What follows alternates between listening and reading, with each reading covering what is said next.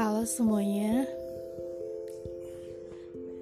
Ini adalah podcast pertama saya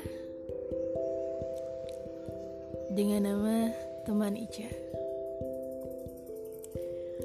Sebelumnya, salah satu alasan saya membuat podcast adalah salah satu bentuk penyaluran imajinasi saya selama ini, pengalaman saya yang mungkin banyak sekali teman-teman yang lebih memiliki pengalaman yang lebih banyak dari saya.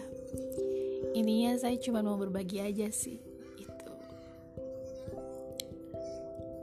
Tema sekarang apa ya? Hmm, gimana kalau misalkan kita bahas soal introvert?